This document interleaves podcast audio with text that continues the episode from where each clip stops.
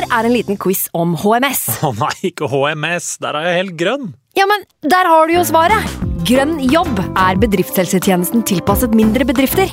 Våre HMS-eksperter hjelper mer enn 8000 bedrifter over hele Norge med alt fra lovpålagte HMS-krav til pålegg fra Arbeidstilsynet. Få på plass bedriftshelsetjeneste på grønnjobb.no. Hallo? Jeg kommer fra Oslo politikammer. Ine Jansen er purk. Er du purk? The motherfucking bitch. Alt jeg vil, er å finne ut hva som skjedde med mannen min. Jon Carew. Er jeg sikta for noe? Iben Akeli. Det er du. Ole So, Lars Berrum og Big Daddy Karsten. Hvem sin side er du på, egentlig? Anette Hoff, Tone Danielsen, Kommer du fra Afrika? Jørnis Josef, Nesten. Kløfta. Trond Espen Seim, Det er synd å si det, men det var feil mann som døde. Purk. Premiere tirsdag på TV2 Play. I can't believe it. Football, bloody hell.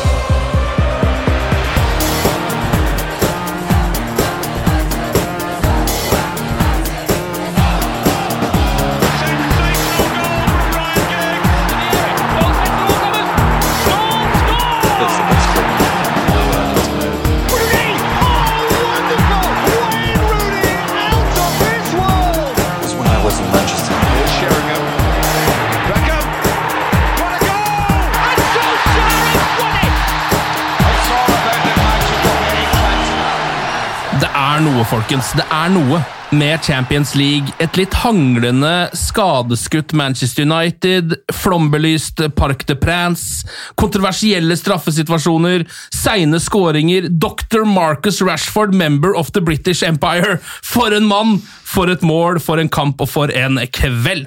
Velkommen til United We Podcast. Jeg heter Kenna Senus Nilsen. I dag så har jeg bare én gjest, men han er det så lenge siden jeg har vært her at jeg tror han har litt mundiaré sånn United-messig nå. Eivind Brennhovd Holt, velkommen.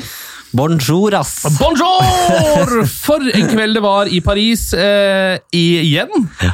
Der, eh, Hva skal man si? Er, når man har vært gjennom det en gang før, så har man jo en eller annen følelse når man går inn i den kampen at dette her har vi jo klart før. Det kan jo skje. Det er litt lignende, faktisk. Det ligner litt på sånn det var forrige gang. Det har gått litt grann, eh, De har ikke de beste spillerne sine på banen. Det er litt opp og ned i prestasjonene. Vi har ikke sånn veldig troa. Eh, men allikevel, selv om jeg sitter og vet alle disse tingene, og tenker sånn, så kan jo hende de vinner denne gangen, så har man jo liksom ikke noe troa på at det skal skje en gang til. har man det? Det er en eller annen United har gjemt en eller annen sånn straffe- og var-magnet på Park des Princes i, Ja. i Paris. Det er Jeg tror Jeg syns jo kampen i 2019 vil stå der i historiebøkene for alltid. Ja. Rent eh, Altså, det emosjonelle er det nesten umulig å overgå. Det var en åttedelsfinale i Champions League. Solskjær eh, kjempa jo om å få jobben. ja. Det var, Det har man eh, nesten glemt nå, men det var det han gjorde der og da. det var der han fikk jobben. Mm. Eh, det var 2000 engelskmenn på tribunen, og, og den avslutninga, men fotballkampen i 2020, der er jeg enig med Solskjær, den var bedre. Ja. Eh, United spilte bedre og var på en måte mindre heldig enn det den var uh, i, i Mirakelet. Mm. Og så er det her en, eh, en kamp i gruppespillet, men det handler jo om hva kampen representerer, da. Akkurat som det tapet i sesongstarten som, uh, hvor, hvor alt var plutselig helt elendig. Eh, så er det noe med hva den sesongstarten representerte, i form av at det skulle være en ny start osv. Og, så og det her blir på mange måter også et sånt symbol, da, fordi vi var så sinnssykt langt nede etter det 6-1-tappet. Um, og så kom de seg på beina mot Newcastle, og så er det her en ny skalp. da. Mm. Kanskje den største, vil, vil mange mene. Uh, og som vi snakket om, han fikk jobben på mange måter i Paris, og det her blir på en måte et bevis på at han bør beholde jobben, syns jeg. Ja, eh, det må vi jo selvfølgelig eh, snakke litt mer om. Hvor eh, denne kampen her setter Solskjær sin standing på en måte. da, Og hvor stor tiltro folk har til han i klubben akkurat nå. Først så tenker jeg at vi kan gå litt mer konkret inn på de to fotballkampene som har blitt spilt siden sist, Eivind. Det er Newcastle som du var innom, og gårsdagens match på Parc de Prince mot PSG. Jeg tenker at vi kan ta det kronologisk og begynne med Newcastle-matchen. Så kan vi heller sitte og glede oss litt og snakke om Paris Saint-Germain-matchen mot slutten. Um, Newcastle-kampen var jo en kamp som jeg var altså, Jeg var livredd før matchen. Uh, det var en must win-match for Ole Gunnar Solskjær spesielt, og for Manchester United sekundært. Um, jeg hadde ikke veldig stor tro. Newcastle har vært uh, ja, ok. Det ok har vært overraskende gode. ok pluss i sesongopp- eh, sesongstarten. Eh, og jeg eh, hadde en følelse av at dette her kom til å bli en slitekamp for United. Eh, og så er det første som skjer at de Luke Shaw bare sleiver ballen i mål etter to minutter. Og da sitter man jo der og det, altså, jeg, jeg, jeg ble ikke sint engang, jeg begynte bare å le. Du føler jo litt med Digea. De to siste målene han har sluppet inn, har jo vært eh, Ja. sjølmål, hvor han bare kan egentlig måpe og se på lagkameratene sine. Ja. Og du tenker jo liksom, når den går i mål der, så tenker du bare ja, selvføl selvfølgelig. Altså, det var den starten United ikke trengte på den matchen der. Nei. Eh, og så er det det første som skjer. Men eh, måten de graver seg ut av det altså, Jeg syns ikke de blir De lar seg ikke påvirke, egentlig. Eh, I hvert fall ikke like mye som vi på sosiale medier. Men Nei, fordi den, den, altså den uh, sjansen der, da, eller det som leda til dette målet, selvmålet til Shaw, er vel det eneste Newcastle nesten gjør i løpet av de første 80 minuttene av matchen. eller noe sånt nå. Så United har jo, uh, klarer jo å holde hodet kaldt og har jo på en måte kontroll på kappen, selv om de ligger under. da. Store deler, eller i hvert fall de første 20 par minuttene. En sikkert eh, for enkel analyse av det, her er jo at eh, hva skal jeg si, Hellet til Newcastle eh, det var over, for de har vært heldige. Jeg tror de nesten har skåra på hver avslutning de har hatt i, Premier League så langt. Ja. Så, så de var Det hellet var over, mens United på en måte fikk eh, i større grad betalt for, eh, for sjansene sine, da, og hadde vel åt- 28 avslutninger på mål. Eller Ja, det, det var helt sånne Fifa-tall på slutten der. Eh, når man satt og så på, så ble jeg nesten sjokkert over hvor mye de hadde skapt. Eh, og jeg hadde den følelsen hele veien at de skapte ganske mye, eh, faktisk. Men jeg, eh, ja, jeg tenkte ikke på det før jeg så statistikken, hvor, hvor ja, sinnssykt mange målsjanser de egentlig hadde. da. Eh, de får jo, er jo på en måte litt sånn, Dette her kunne jo ha gått gærent hvis, de hadde, hvis det målet hadde drøyd lenger, tror jeg. Altså United sitt mål, da. Det tar jo eh, ikke så mange altså De bruker 21 minutter etter at eh, Shaw har skåret selvmål, eh, før Maguire utrolig nok skårer på en corner, altså. Ja. Stanger inn en corner. Det er vel Juan Mata som slår den, Ja. så vidt jeg kan huske. Eh, Mata hadde jo også en kjempematch. Eh, og eh, når var sist gang eh, United skåret på corner? Det sier vi hver gang de skårer på corner, for det går jo ofte sånn fire år mellom hver gang. Og vi nevner hver gang den kampen mot Leicester, da det skåra ja. tre mål. Ja, Det er det vi klarer å huske hver gang. Men Nei. det skjer jo sjelden, da. Det skjer sjelden, og med en hovedspiller som Maguire så burde det vært flere. Men uh, deilig for han. Uh, litt sånn personlig seier, vil jeg tro, etter, etter det han har vært uh, gjennom Absolutt. nå, både i sommer og i høst.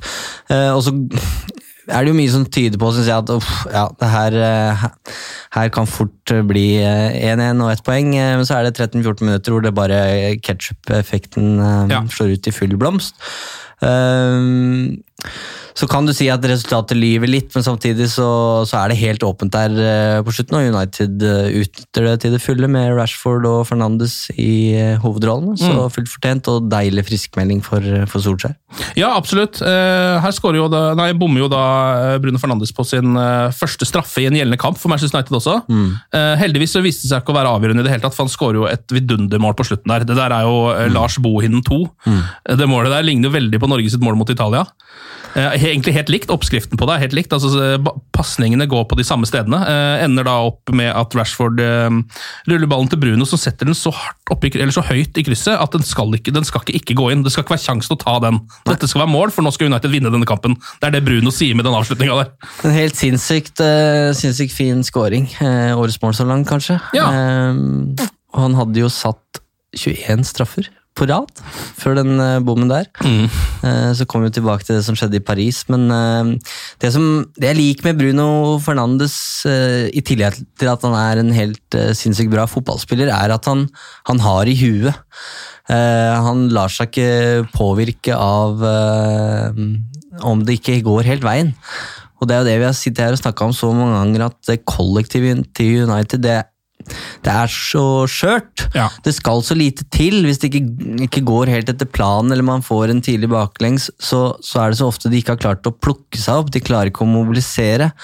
Um, mens Bruno Fernandes virker å gå foran da, som en leder, og nå fikk han kapteinspinn i, i Paris, og det tror jeg det er en grunn til. Uh, det har vært mye skriverier om den eh, diskusjonen han hadde med Lindeløf eh, mot Sevilla, og mm, at han visstnok skal ha uttalt seg i garderoben og sånne ting. Det, det stemte jo da ifølge han ikke, men han er jo helt åpenbart en fyr som, som sier fra. Han sa jo det her i Paris, at dette er den jeg er, dette er min personlighet. Eh, Det er det Manchester United får når de, når de kjøper meg. Eh, Så jeg tror han er en lederskikkelse som United eh, absolutt trengte. Og så har han, jeg synes han har liksom den rette tenninga, hvis man skal si det sånn. fordi eh, det er jo veldig mange spillere som, eh, hvor deres tenning egentlig går ut på å prøve å holde hodet mest mulig kaldt. Eh, og det kan være smart. Det, sånn som det var nok Roy Keane sin tenning. Han måtte ikke ha for høy tenning, for å si det sånn. Altså, da ble det gærent. Da ble det Haaland-situasjoner. Hvis du prøver å liksom dysse det litt ned, så er det perfekt, da. Mens jeg syns Marcus Rashford kan ha litt for kald tenning igjen. Noen ganger. At du ser at de gangene hvor det går litt grann dårlig, så liksom på en måte han blir ikke sånn Du ser ikke på han at han blir irritert eller sur, eller sånn, han blir bare mer sånn litt sånn eh, lunken til hele matchen, hvis man skal si det sånn. Mens Bruno Fernandes, der ser du at det er en sånn eh, barnlig iver og irritasjon, som en sånn agg som ligger under der. Litt sånn som Zlatan sin tenning, litt mer sånn der vinnerskalletenning. Ja. Og det liker jeg veldig, veldig godt. Um, vi skal, kan jo kanskje komme tilbake til eh, hvorvidt han burde beholde det kapteinspinnet etter hvert, når vi snakker om PSG-kampen. Eh, Aron Van Bissaka skårer jo sitt første profesjonelle mål også i denne matchen. her. Det redder han jo inn etter at uh, Fernandes uh, skårer i det 86. Uh, og for et mål det er av Arvo Wan-Bissaka, da! Ja, helt nydelig. Er, For en eh, avslutning! Jeg trodde ikke han kunne det engang. Han sa det vel sjøl at han bare smalt eller håpa på det beste, men Ja. eh, det gikk jo bra. Det kan han fortsette med å gjøre. Ja. Eh, For det gikk veldig veldig bra. Eh, Og så får jo også Marcus Rashford seg et mål helt på slutten. Seks minutter på overtid. Og det blir 4-1, som jeg egentlig syns gir det rette resultatet av denne kampen. Eller 4-0 hadde vært det rette resultatet i denne kampen. Knuse Newcastle, rett og slett. Vi også trekker fram eh, Donovan de Beek. Eh, Som jeg synes var veldig bra da han kom inn. Han bomma vel ikke på en eneste pasning, nesten. Og nesten alle går framover. Ja. Det er veldig godt å se. Absolutt. ehm, men for meg så står eh, Er det et stort spørsmålstegn etter Donny, eller rundt Donny van de Beek. Det handler ikke om han, egentlig, men det handler om det vi har snakka om før sesongen. her. Hvordan skal den midtbanen komponeres? Ja. Ifølge Ifølge ryktene så, så overbeviste jo Solskjær van de Beek og, og forklarte hvordan han ville komponere en midtbane med van de Beek, Pogba og Fernandes. Men det har vi jo på en måte ikke fått sett ennå. Nei, og det er jo ikke noe som i teorien går helt opp heller. Nei, og det er derfor vi er så spente på å se det. ja. Ehm, og agenten til van de Beek skal ikke være fornøyd. Um, han kan ikke skjønne hvorfor United har uh, betalt så mye for en spiller som bare skal spille ligacup. Mm. Vi kommer til å få se van de Beek, det er jeg helt sikker på, men Solskjær har et luksusproblem på, på midten nå. Nå var Pogba og Matic på benken mot PSG, mens eh, McTominay og Fred leverte en kjempematch. Ja. Så veien inn uh, på laget for van de Beek mot Chelsea eksempel, virker jo veldig lang når vi sitter her, i hvert fall. Den gjør jo det, og det er jo litt fordi altså, United kan jo på en måte, litt sånn som de har gjort under Solskjær, egentlig, hatt på en måte litt sånn to forskjellige midtbanekombinasjoner. da, At du har den der løpemidtbanen med Fred og McTominay, som egentlig skal passe mot eh, lag som kanskje egentlig er litt bedre enn Manchester United. Og så har du den kreative midtbanen da, eh, med Pogba og Bruno, og der også gjerne en sånn Matic-type. da. Eh, Og ingen av de kombinasjonene her så passer Donny van de Beek helt inn, fra start iallfall. Han kan komme inn og endre litt på kampbilder, sånn som han gjorde mot Newcastle, eh, hvor det, der hvor de faktisk trenger et mål, så hans offensive kraft kommer til sin rett. da.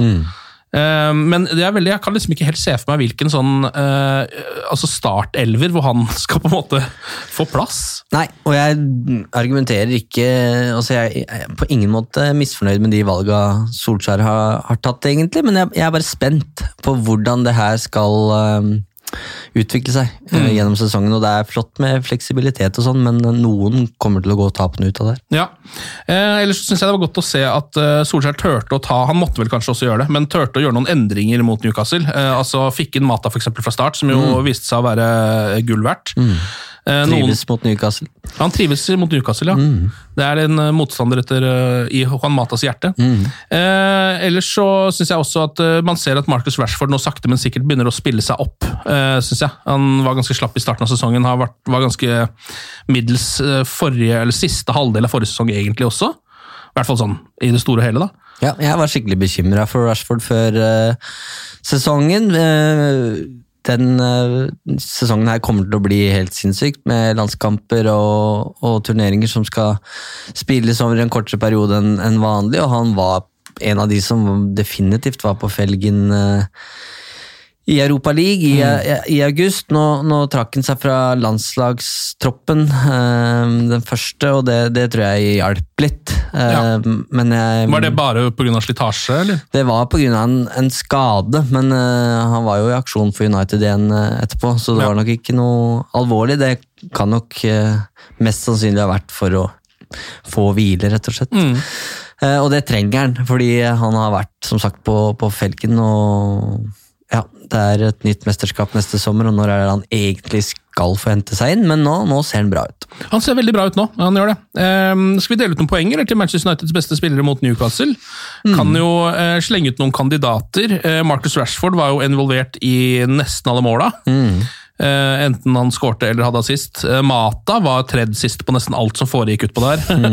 Brune Fernandes hadde jo en, altså en ordentlig sånn uh, ledermatch, føler jeg. Ja. Eh, Van de Beek var bra da han kom inn. Ja, det var vel Maguire var jo bra, da.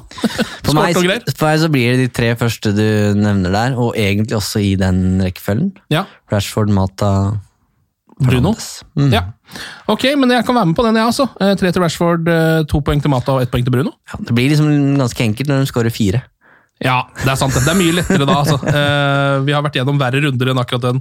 Ok, la oss eh, snakke om eh, den virkelige godbiten, da. Gårsdagens Champions League-seier i Paris.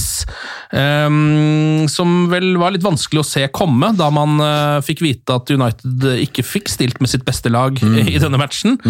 Harry Maguire, vet du noe om den skaden han har, eller? Nei, ikke noe mer enn det Solskjær har eh, sagt, men han var jo tvilsom eh, mot Newcastle. Spilte den, og så er han da ute igjen mot eh, PSG. Som det er snakk om en ny skade, eller om de bare er forsiktige, eller om de ønsker å skjerme Maguire med tanke på alt det som har foregått på i Ja. Hellas og i landslagstrøya, det, det veit jeg ikke, men uh, For en liten konspirasjonsteori som jeg kom opp med nå, uh, på sekundet iallfall, går jo litt ut på at når du har en så god opplevelse mot Newcastle, til og med får deg et uh, mål, eh, som jo er veldig sjeldent for Maguire hos Manchester United, og så vet du at et par dager etterpå nå så skal du ut mot Neymar og Mbappé. Mm. du har ganske mye å tape i den kampen når du allerede liksom har fått deg en liten opptur. Kanskje lurt å ikke utsette ham for i det hele tatt liksom, muligheten for å bli driti ut. Kan hende. Ja, la oss kalle en spade for en spade her. Solskjær har gått eh, i lære hos den eh, beste på det her. Sir Alex Ferguson var eh, ekstremt god på å rett og slett ta ut lag. Eh, og det er ikke sånn at du alltid nødvendigvis skal ta ut det beste mannskapet til enhver pris. Det handler om å lese garderoben, lese spillerne dine. Eh, ifølge rapporten så var det helt uaktuelt for Maguire å be om en pause. Dette her skjedde jo etter det røde kortet, hvor det på en måte kulminerte rundt han da. og uh, Rio Ferdinand var jo en av de som sa nå, nå må han få en break og bare få nullstilt. Så spiller han mot Newcastle, skårer, kommer godt ut av det.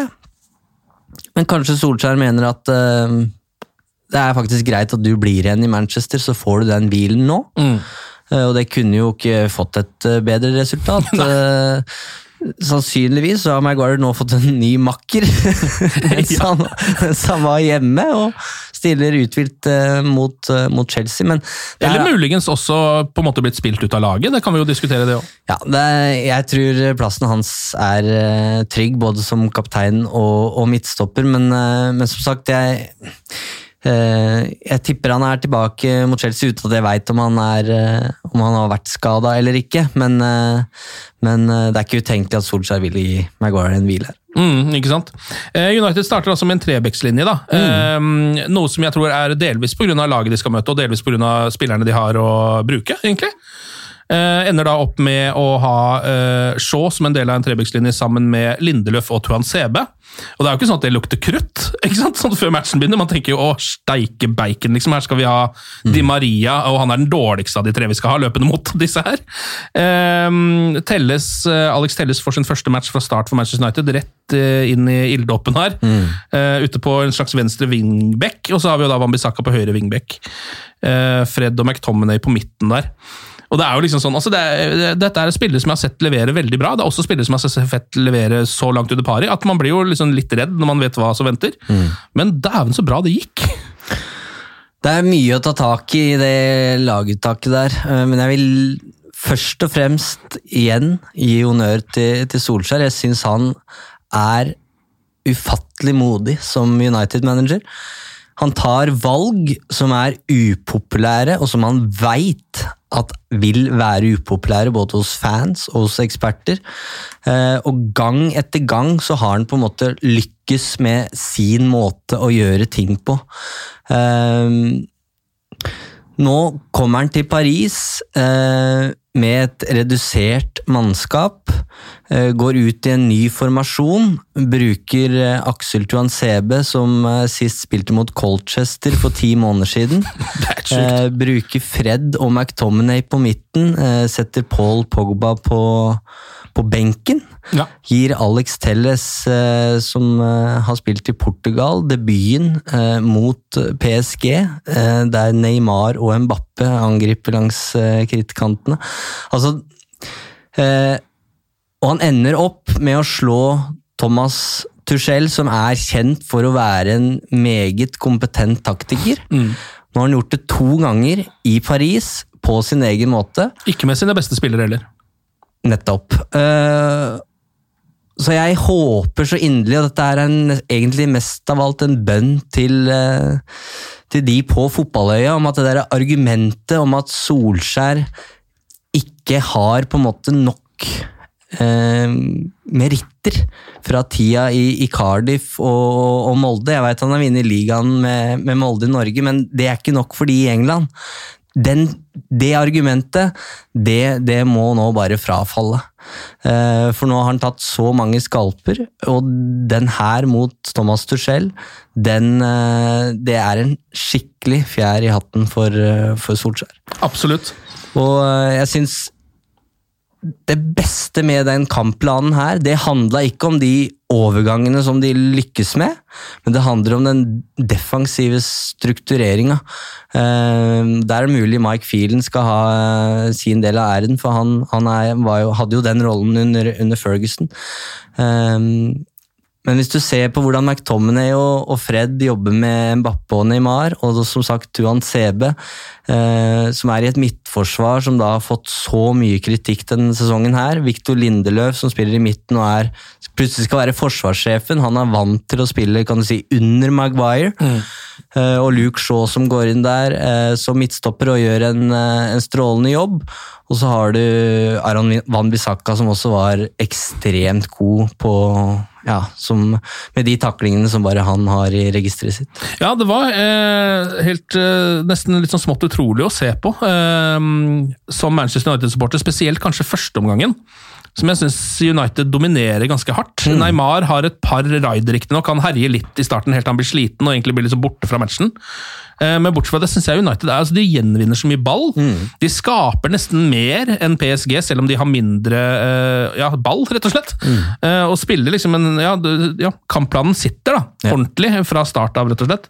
Det var et visst PSG-press der en eh, periode hvor du egentlig, akkurat som, som sist, bare egentlig går og venter på ok, når, når kommer den golden her. Ja. Ehm, men de går liksom lei, akkurat som sist det også, da. Eh, og det tror jeg handler om at United klarer å De, de demmer såpass godt opp at PSG-spillerne blir frustrerte. Eh, og så er det kritiske andre som vil si at eh, hallo, PSG hadde en dårlig dag. De, det, det her handla ikke bare om United, de har også hatt en vanskelig start på sesongen osv. Men, men, eh, og de mangla også spillere. Men Ja. eh, uansett hvordan du vrir og vender på det, så, så gikk Solskjær og United seirende ut av det her. Ja, eh, og altså, du, ja, det er sant det, altså at PSG hadde en dårlig dag, og så videre, men man må jo spille de dårlige. da. Du skal treffe ganske bra på taktikken for å klare å demme opp for verdens beste angrepsspillere. Det, det, så enkelt er det jo bare. Eh, vil jeg si. Um, og her er det jo da eh, PSG, som du sier, har noen uh, herjer litt i starten der. Di Maria har en ok avslutning, husker jeg, fra rundt 16 eller noe sånt. Ja, Vi har ikke snakka om DG engang. eh, Det er den Nei. første redninga han har, og så Og så kommer den fra Krusava på et innlegg som mm. egentlig bare treffer DG eh, så å si, ja, så å si balla, på en måte. Ja. Så, eh, han bare står der og får den på seg, mm. og tar den, men han har jo, spiller jo en eh, stor kamp. David Hea. Kanskje en av banens beste spillere. Og det også var et spørsmål før, eh, før kampen, om Solskjær vil bruke en Champions League-keeper og gi Henderson de kampene i gruppespillet, i hvert fall. Men eh, vi tippa Digea fra start, og det er jo ikke så veldig overraskende med tanke på at han er 29 år og har en rutine i den turneringa som ikke Henderson har. Ja, og han også er det jo en liten stund siden han gjorde en av de store tabbene. Ja. Så nå er han jo i den De Hea-formen man vil ha han i, på en måte. Akkurat nå. Ja, han eh, er definitivt det. Eh, og så, eh, etter at PSG har hatt noen eh, sjanser, så tar United litt over. og Det er en femminuttersperiode der, fra 15 til 20 minutter, eh, ish, hvor jeg begynner å virkelig få troa på det. Sånn ordentlig. Jeg ser at det her kan faktisk gå. United kan slå PSG på bortebane her. Og akkurat da får de også et straffespark, selvfølgelig. Perfekt tima straffespark for Manchester United. Det er um, Shaw som spiller til Martial. En herlig liten vending med utsida. Så er det litt klønete av Diallo eller noe sånt, en av midtstopperne der Ja. Som er litt bortpå'n. Felleren, helt grei straffe. eh, Ikke eh, Verken billig eller ikke billig, på en måte. Bare helt sånn, ja, den der kan man blåse på, det er greit, det. Bruno stepper opp, eh, bomma på sin forrige, og så bommer han fankeren meg igjen, altså. Sånn egentlig han gjør det. Han går ikke for den der eh, vante Jorginho-stilen. Han prøver heller bare å ta litt kort fart, og har vel tenkt å dunke den høyt opp i hjørnet, tror jeg. Treffer ikke så godt. Keeper tar den. Men han er en millimeter utenfor streken, Keylor Navas, og du ser hvor bittert det er for Keylor Navas. Det kan jeg litt skjønne, for jeg tror For en keeper Man ser jo, har jo ikke øyne eh, eh, bak i rumpeballene. Du ser jo ikke at den foten er litt over streken, men så er nå engang reglene, da. Ja, men Den var ikke så langt uh, til sides at uh, jeg, tror jeg tror Navas hadde redda den uansett. Det hadde ikke hatt noe å si. Ehm, men det er nå engang sånn reglene er. United har jo opplevd det sjøl Ja. Med De Gea. Så, Ja. Men eh, at han bare med største selvfølgelighet eh, går og henter ballen igjen etterpå og bare legger den på straffemerket og, og, og setter den i samme hjørne Hvordan tror du de nervene er da, når du har bomma på to på rad, og så får du en til som på en måte kan utligne den ene bommen din? da? ja. Nei, Det blei sagt i kommenteringa nå, nå har Fernandes puls. Så ikke sånn ut, da. Men det så ikke sånn ut. Nei, det gjorde ikke det. Så, men ja, igjen et uh, tegn på styrke, syns jeg, da, med Fernandes. Han er en, eh, en hard nøtt. Ja, for en, og for en spiller vi har fått her, altså. Eh, han vokser jo bare Han hadde jo den bitte lille duppen når man tenkte sånn ok, det var en litt heldig start. Kanskje han ikke er så bra som vi trodde, men han er det. Han er det. han er det. Eh, eh, jeg husker at jeg begynte å eh, bli litt stressa etter hvert der, da Mbappé begynte å få litt mye ball. eh, rundt halvtimen. Begynte å eh, prøve å drible seg inn i 16-meteren. Eh, det som skjedde oftere og oftere, var at Tuan Sebe faktisk holdt følge med han tok han igjen og fikk inn akkurat den foten som gjør at det ikke blir straffe, men som gjør at United vinner ballen. Van Bissaka gjorde det samme et par ganger selv. Um, og Mbappé begynte å bli uh, ja, surna litt, rett og slett, om jeg kan skjønne. Ja, det, det var vel én situasjon som kunne gått til, eh, til VAR der, eh, som kunne blitt straffe, men alt i alt, hvor mange forsvarsspillere kan liksom med hånda på hjertet si at de har hatt kontroll på Kylian Mbappe gjennom 90 minutter? Ja, det er, Eh, Aksel Tuan Sebe er jo en spiller som vi, vi veit jo på en måte hva som bor inn. Eh, og han har jo det der fysiske mm, ramma som du ønsker deg i en midtstopper. ja, samme ramme som Bailly egentlig har. Ja, nettopp. Og litt sånn Man får litt sånn Vidic eh, følelse, nesten. Eh, fordi han er såpass atletisk og rask i, i tillegg. Eh, men at han liksom skal gå rett inn på laget og stoppe Mbappe på den måten der, det, det viser at han har, han har det i huet òg. Og det, er, det virker ikke som han lar seg påvirke av hvem han møter. Altså Det Nei. spiller ingen rolle om han spiller U23-fotball eller ligacup eller, eller mot Mbappe. Han gjør jobben sin, da. han skal ha den ballen, og det gjør han sinnssykt bra. Og Én ting er jo det defensive der, som han jo er bra på, men han, her var han jo også såpass sånn trygg og delvis også litt modig i pasningsspillet sitt. Eh, spilte fort og hardt, eh, og ofte i lengderetning når han hadde ballen ja, som en av de tre bak der. da. Og det er jo liksom på en måte noe som Det, det hadde ikke Bailly fått til. Det er vel egentlig det jeg er fram til her. Han kunne kanskje fått til noe av det andre der, nemlig ja. Bailly, men akkurat det trygge pasningsspillet vet jeg ikke helt om han hadde mestra. Nei, nei, de er jo litt like, og dessverre da også når det gjelder skadehistorikk. og Det er jo der som, det, er jo det som har vært problemet med Tuan Sebe. Jeg er sikker på at han hadde vært eh, Maguires makker nå, Ja. hvis han hadde vært skadefri. Hadde en god, uh, en god periode forrige sesong, men uh, har jo nå da vært ute i ti måneder. Ja. Så handler alt om hvor lenge er det til neste skade, og la oss håpe det er lenge til, for jeg tror han er høyaktuell mot Chelsea. Mm.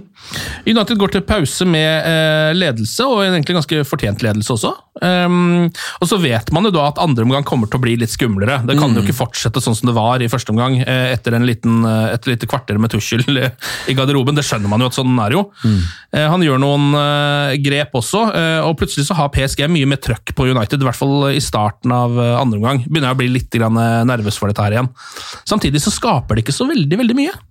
Det, er liksom, det må jo det selvmålet til Martial til for at de faktisk skal score. da. Det sier jo litt. Ja, og det, det blir på en måte skummelt når Neymar eller Mbappé har ballen Ja. eh, rundt 16-meteren uansett, men det er som du sier, det er, det er ikke så mange gode, store sjanser. Eh, De har en kjemperedning igjen på et skudd fra Ja, Det er vel fra Mbappé, faktisk. er det ikke Ja. det? Når han vender inn der og skyter veld, ja, en veldig god avslutning, som det her klarer å ta. Den der, det der skal egentlig være målt, tror jeg. Ja, den var eh, enorm. Ja. Men så er det noe med når United også angriper, så er det akkurat som det blir Trusselen blir større og større utover i kampen, syns jeg. og Først og fremst så syns jeg det her er en lagseier, for det er vanskelig å peke på noen og si han var svak. Det var, det var et kollektiv som fungerte for det første, og alle leverte eh, godkjent, minst. Ja, Den ene spilleren som jo var svak, var jo han som avgjorde det hele. Marcus Rashford hadde jo ikke en veldig stor kamp. Han, eh, kunne jo, United kunne jo ha leda den kampen med et par mål hvis han hadde eh, ja, funnet en litt deiligere touch på ballen enn det han hadde der i andre omgang på alle de kontringene. Det der er jo, altså Den ene gangen der man bare spiller ballen til Martial, for eksempel, det er jo nesten sjokkerende å se på. Når han bare kan gå egentlig score selv, nesten også.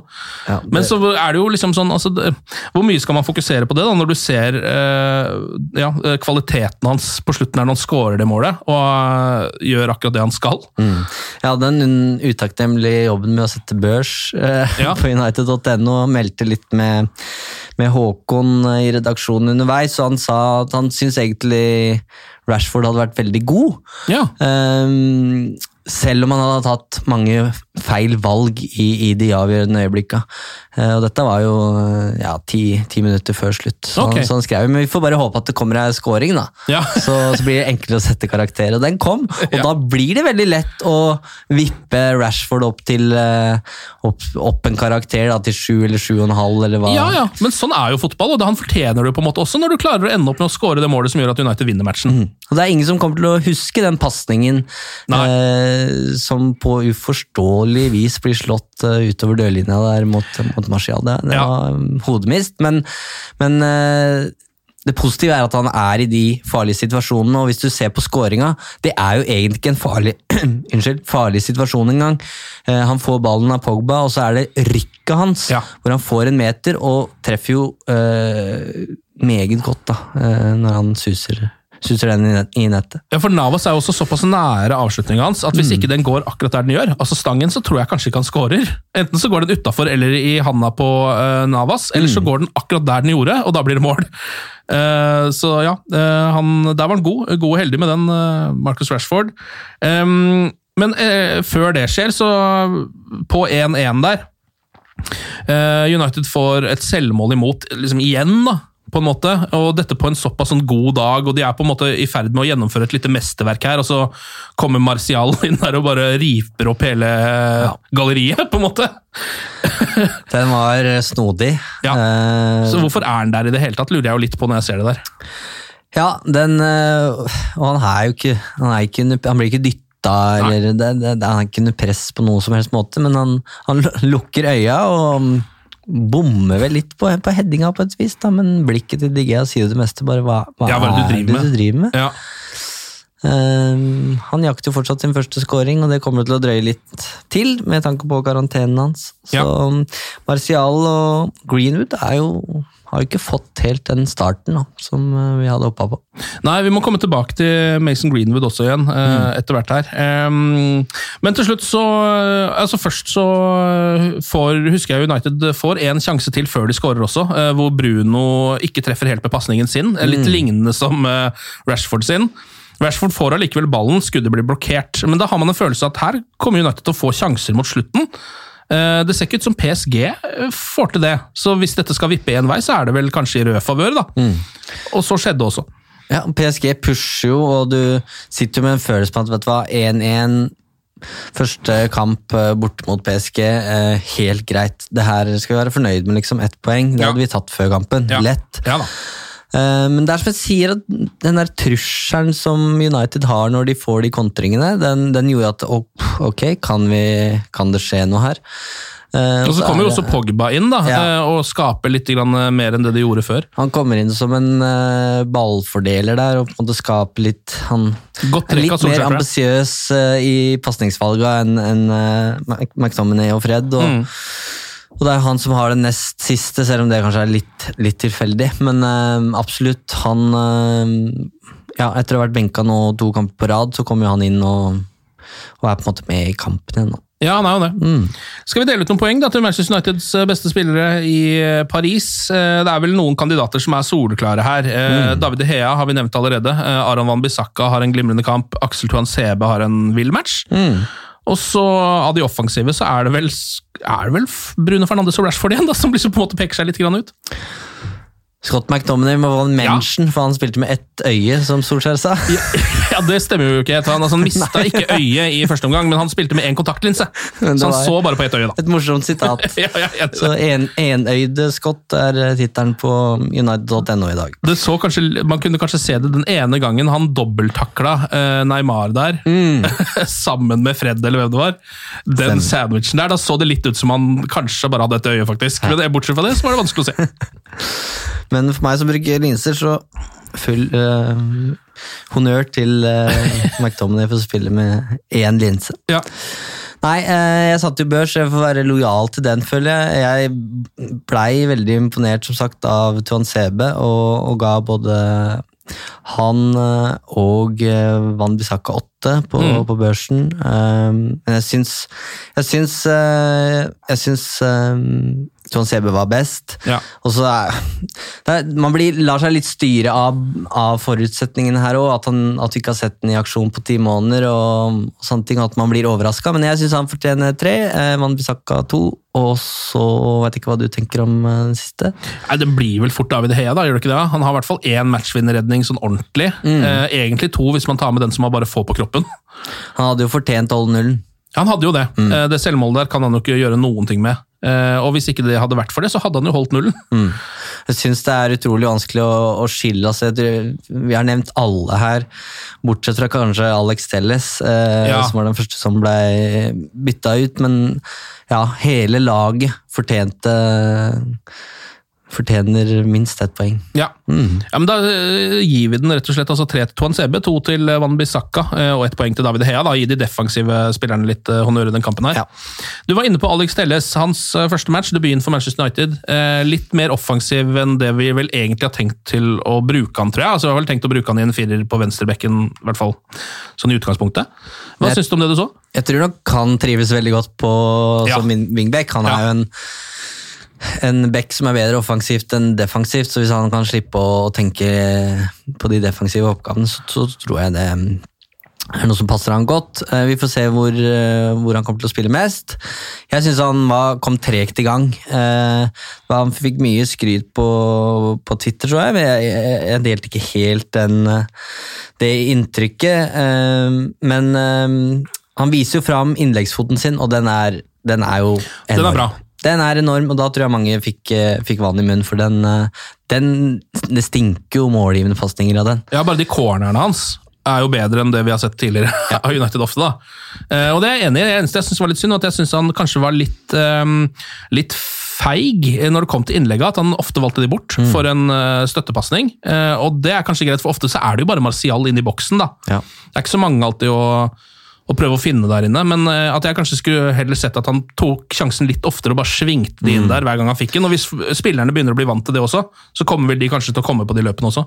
Ja, ja skal, Vi skal ikke dømme han nå etter 67 minutter, men eh, for meg Jeg, jeg noterte meg liksom at det var, det var litt tamt. Mm. Jeg hadde på en måte forventa litt mer uh, trøkk. Ja. Uh, og det har jo blitt sagt tidligere at han er jo ikke den raskeste, og det, det ser vi jo. Mm. Eh, men litt sånn tamt i presset, og som du sier, litt passiv kanskje i ikke ambi- ambisiøs nok i valgene når han tar og skal stå disse innleggene og sånn, men han kommer helt sikkert eh, til å gi mer gass etter hvert, og så gleder vi oss til det første frisparkforsøket, for det tror jeg er verdt å få med seg. Ja, ikke sant?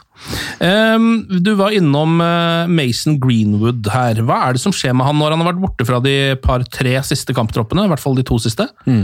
Hva, ja, hva, er det, hva er det som foregår? Har han vært Ja. på byen? Det er jo det eneste ryktene jeg har hørt.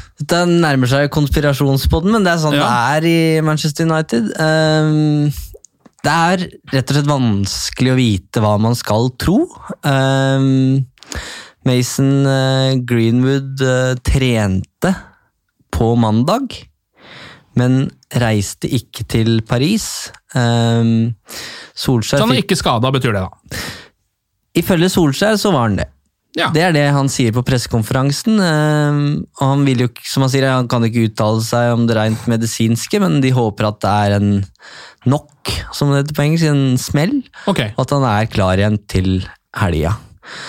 Eh, og så får han også spørsmål eh, om et rykte som har gått rundt Greenwood, om, om Solskjær kan bekrefte at det stemmer.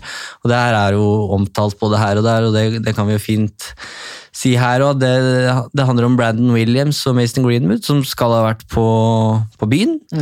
Eh, men Solskjær avkrefter det, og, og ler, det, ler det bort, egentlig. Okay. Så det er. Så vi må satse på at det ikke er det som har skjedd. vi får satse på det.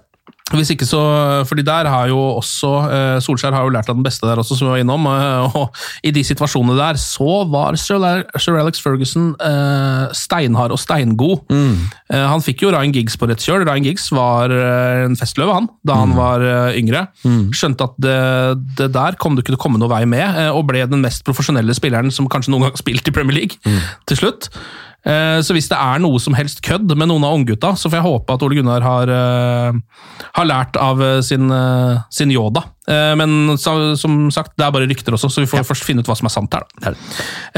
Så er det jo denne United sin tropp, da, Premier League-troppen, 25-mannstroppen. Som nå har på en måte blitt tatt ut og er offisiell. Der er Marcos Rojo med. Eh, kanskje litt grann overraskende. Jeg var ikke helt klar over at han eh, egentlig var United-spiller akkurat nå. Jeg vet, visste nesten ikke det engang. Og så har du Phil Jones og Sergio Romero, som ikke er med. Det vil si at, Og det er heller ikke med i Champions League-troppen. Så det vil si at De er ikke United, altså de kommer ikke til å spille for Manchester United. da. Det er jo det det betyr. Denne sesongen her.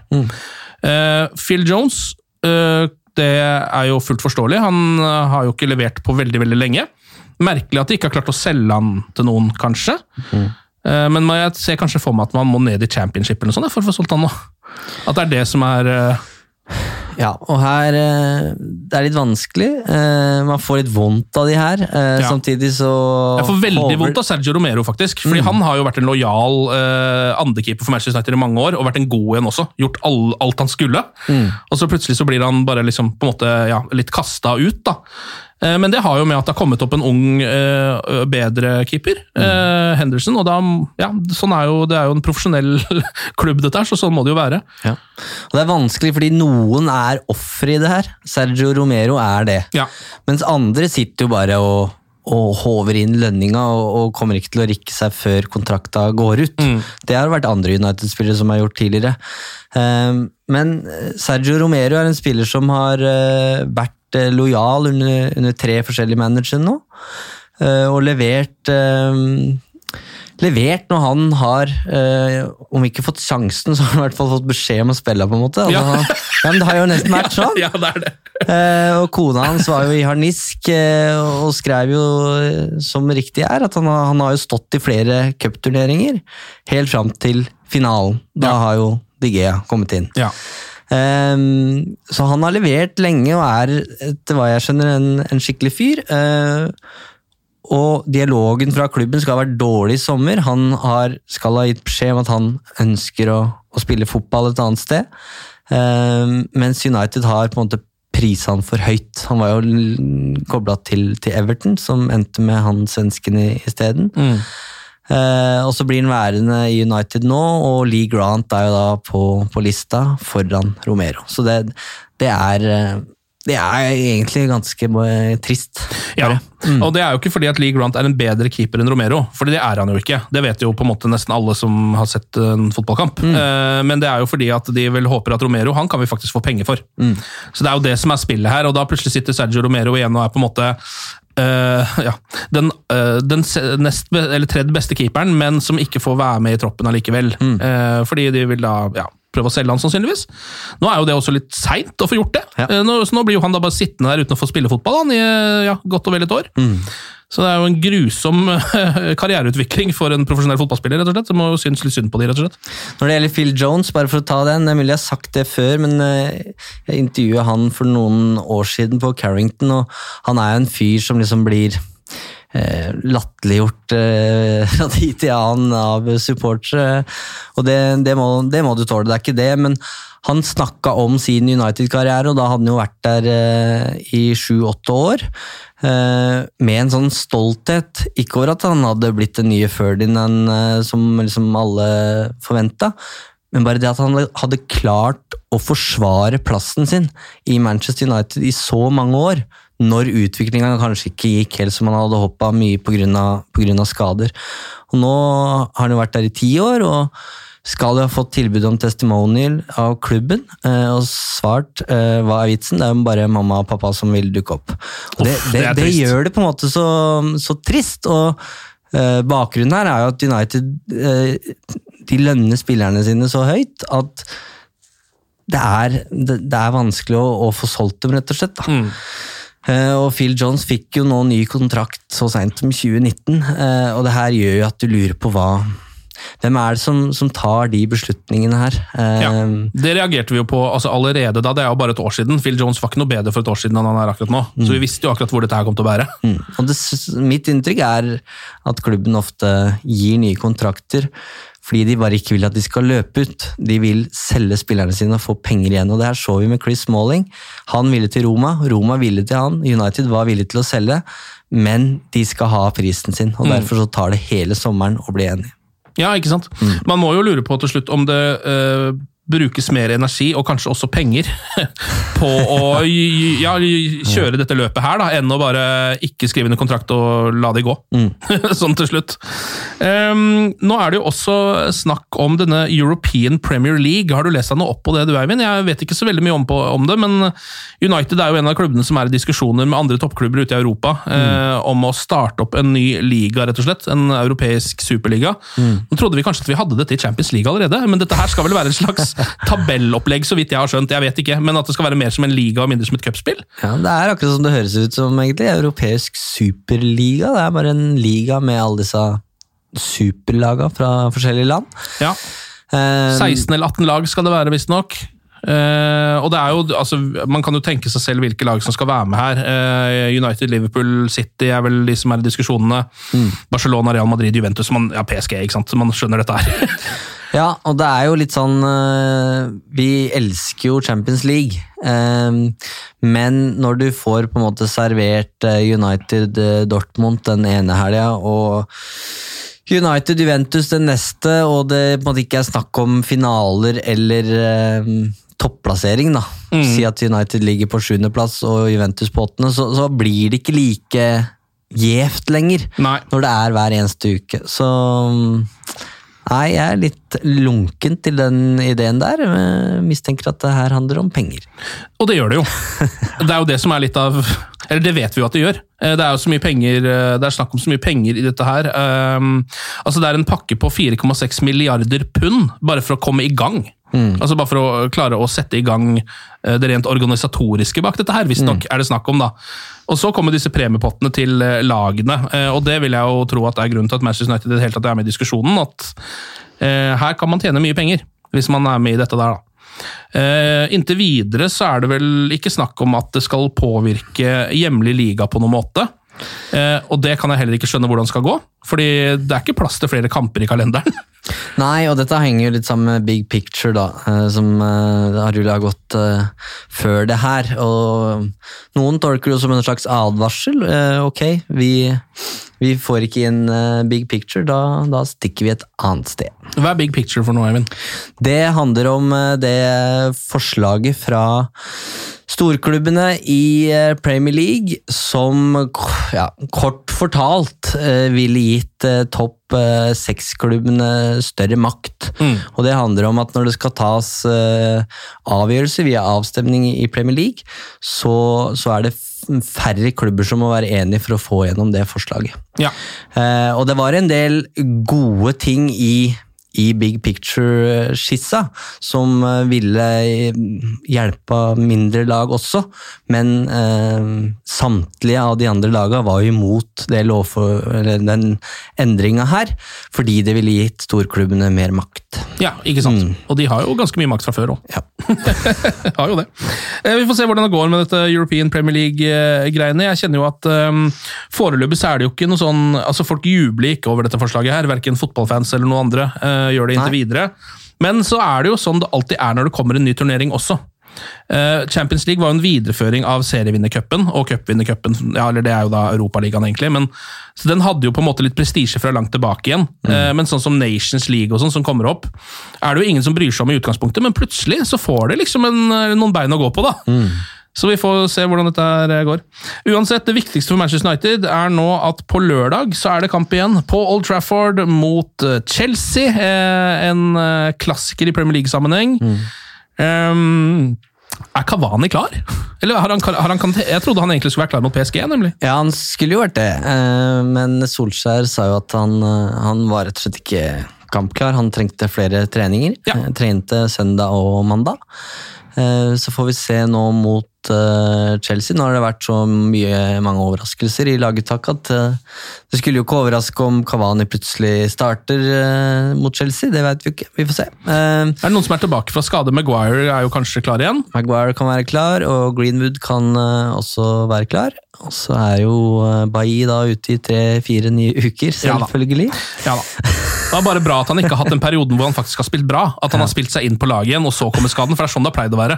Så greit nok. Det får bare ja, det, er, det der med United forsvarsspillere og skader er nesten latterlig, altså, men uh, greit nok. Det er helt enormt. Så får vi se. Men eh, nå har i hvert fall eh, United fått en strålende start på det som er en tøff rekke nå inn mot neste landslagspause. Etter eh, det er Champions League allerede neste uke mot Leipzig eh, på Old Trafford, og så er det Arsenal. Ja. Så det går slag i slag, eh, og det kan eh, snu fort. Men den eh, starten de har fått på denne perioden her, har jo vært som man kunne drømme om. Eh, vil du se eh, Maguire fortsatt med kapteinspinnet? Eh, eller vil du at Bruno ja, For jeg har, jeg har bare likt å se Bruno med det Fordi han er en mer sånn typisk kaptein for meg, som type og som spiller. En som går litt mer foran, kanskje, og har litt mer sånn eh, energi og litt mer kommanderende spillestil, hvis det gir mening. Men er det ikke deilig å ha det dilemmaet? For vi har hatt uh, mange visekapteiner uh, de siste åra. med Mye club captains. Det er det vi har hatt. En kaptein som er- spiller én kamp i året. Uh, og som gjerne har liksom fortjent det. Ashley Young er jo egentlig fortsatt kaptein for United, det er ikke alle som vet det, men han, det er han som er club captain, egentlig. Nei, jeg, jeg, tror eh, Harry Jeg er ganske sikker på at Maguire beholder kapteinsbindet. kapteinsbindet. Hvis han skulle mista det, så måtte det skjedd sånn umiddelbart eh, Ja. etter den episoden. For da blir det noe symbolsk i det, da, hvis han gjør det. Så blir det plutselig negativt for Maguire igjen at han har mistet det kapteinsbindet. Ja, så da, da måtte det skjedd noe mer. Da måtte det vært i et nytt barslagsmål, da, i så fall. det Kan hende han har rukket det, det vet vi ikke. Men eh, Bruno Fernandes, definitivt en leder, men han sier jo det sjøl òg. Han blei jo da overraska på direkten av Solskjær på Ja. Det var jo veldig morsomt. De som ikke har sett den giffen, må jo bare komme seg inn på Twitter og se Ja, den. det Ansiktsuttrykket til eh, Bruno Fernandes nå får vite at han skal være kaptein, det er helt kostelig. Det må dere bare se. Det er veldig bra. Så, men han sier jo at eh, alle på laget er eh, ledere, og det er litt sånn klisjé, men jeg tror han For, for han, han sier jo det, det er en ære for meg å bære kapteinspinnet, men jeg, jeg kommer til å være en leder på banen uansett om jeg har det bindet eller ikke. Så, så jeg tror det kan fungere fint. Det er med Maguire som den eh, kall det formelle kapteinen, og så er eh, Bruno Fernandes eh, også en leder på, på banen.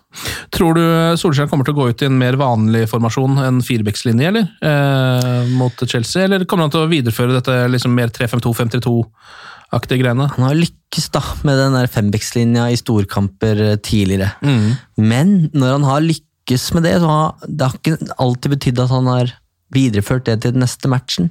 Nei.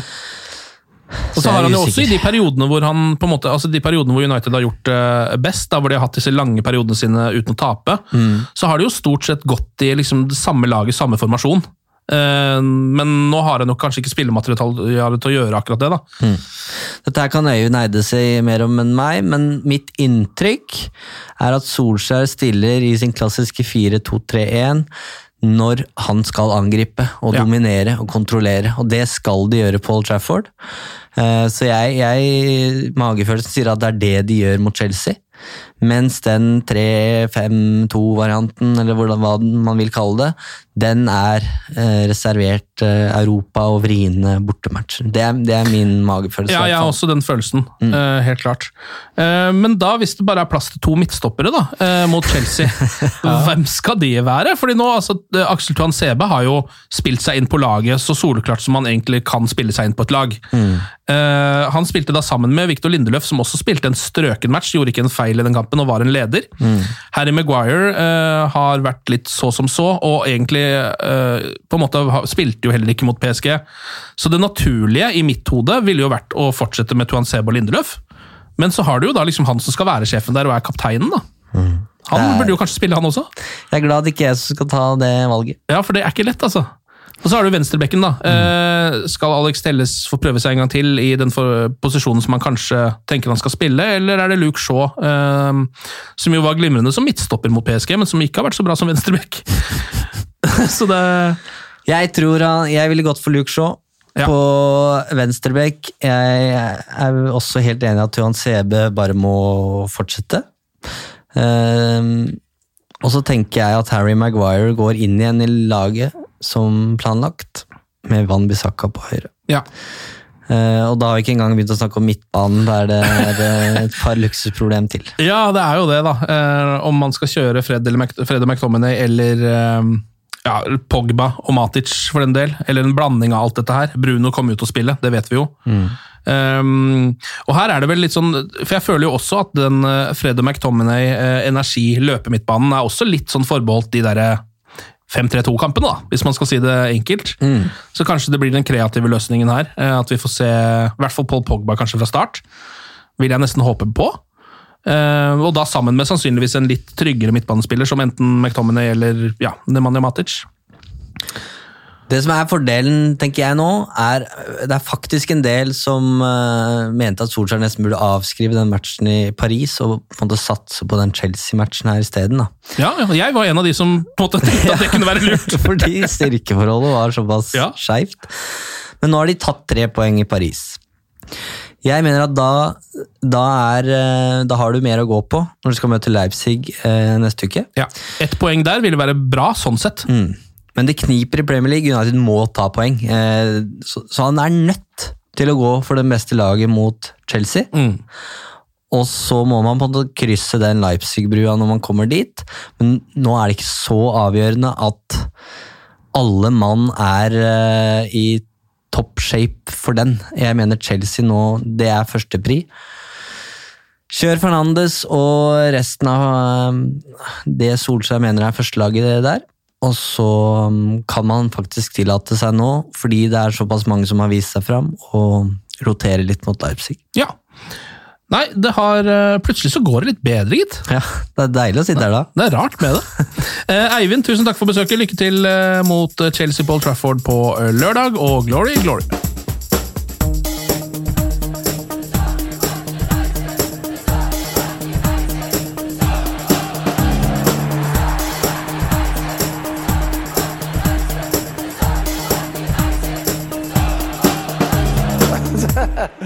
It's true. I've seen many things. Moderne media. Ukens annonsør det er matkasseleverandøren Hello Fresh. Der kan du velge mellom 25 ulike oppskrifter hver uke, eller få Hello Fresh til å sette sammen en meny for deg. Jeg sparer tid på å handle, oppskriftene er veldig enkle å lage, og så får jeg akkurat det jeg trenger da, til hver eneste rett, så jeg slipper å kaste så mye mat som jeg vanligvis gjør. Det er også litt deilig å faktisk slippe å gå på butikken, ikke bare fordi det er tidkrevende, og sånn, men fordi man ender opp med å kjøpe så mye greier som man egentlig ikke trenger, sånn som fire poser eh, Smash og en kick med havsalt, eksempel. Det er ikke det du egentlig er der for, du er der for å kjøpe, kjøpe middag. Så det er en veldig eh, kjekk ting. I tillegg så er det jo eh, ferdigporsjonerte ingredienser, det blir mindre matsvinn, og du betaler bare for det du faktisk trenger, og det du faktisk da spiser. I tillegg så blir det da levert på døra til et eh, fastsatt tidspunkt, sånn at du kan få det akkurat når det passer for deg eh, sjæl. Hvis HelloFresh høres ut som noe for deg, så har jeg en rabattkode du kan bruke også. Gå inn på hellofresh.no og bruk koden HelloUnited24. HelloUnited i ett ord, også 24, og få opptil 1779 kroner i rabatt på de fem første matkassene dine hvis du ikke har prøvd Hello Fresh ennå. Du kan også bruke koden hvis du tidligere har vært kunde, men har stoppa abonnementet ditt for tolv måneder siden eller mer. Det er ingen bindingstid, og du kan pause eller avslutte abonnementet ditt akkurat når du selv måtte ønske. Husk koden HelloUnited24, og bon appétit! Ukens annonsør er Folio, en smartere banktjeneste for deg som har en egen bedrift eller ønsker å starte for deg selv. Folio er en superenkel nettbank for bedrifter. Som kunde i Folio får du en bedriftskonto med et bedriftskort og app. I denne appen er det smarte løsninger som forenkler regnskapet ditt, uansett om du har en liten bedrift eller et enkeltpersonsforetak. Folio er både intuitivt og brukervennlig, og er laget med et enkelt språk. I tillegg tilbyr de forutsigbare priser og ingen skjulte gebyrer. Skulle du likevel trenge det, så kan du snakke med deres raske og hyggelige kundeservice, og der får du prate med en faktisk person og ikke en chatbot. Folio er med andre ord både enklere og koseligere enn banken. Over 10 000 bedrifter har allerede valgt Folio som sin banktjeneste, så besøk folio.no og se hvordan Folio kan forenkle din hverdag også. Har du et enkeltpersonforetak eller en liten bedrift? Da er du sikkert lei av å høre meg snakke om hvor enkelt det er med kvitteringer og bilag i fiken, så vi eh, gir oss her, vi. Fordi vi liker enkelt. Fiken superenkelt regnskap.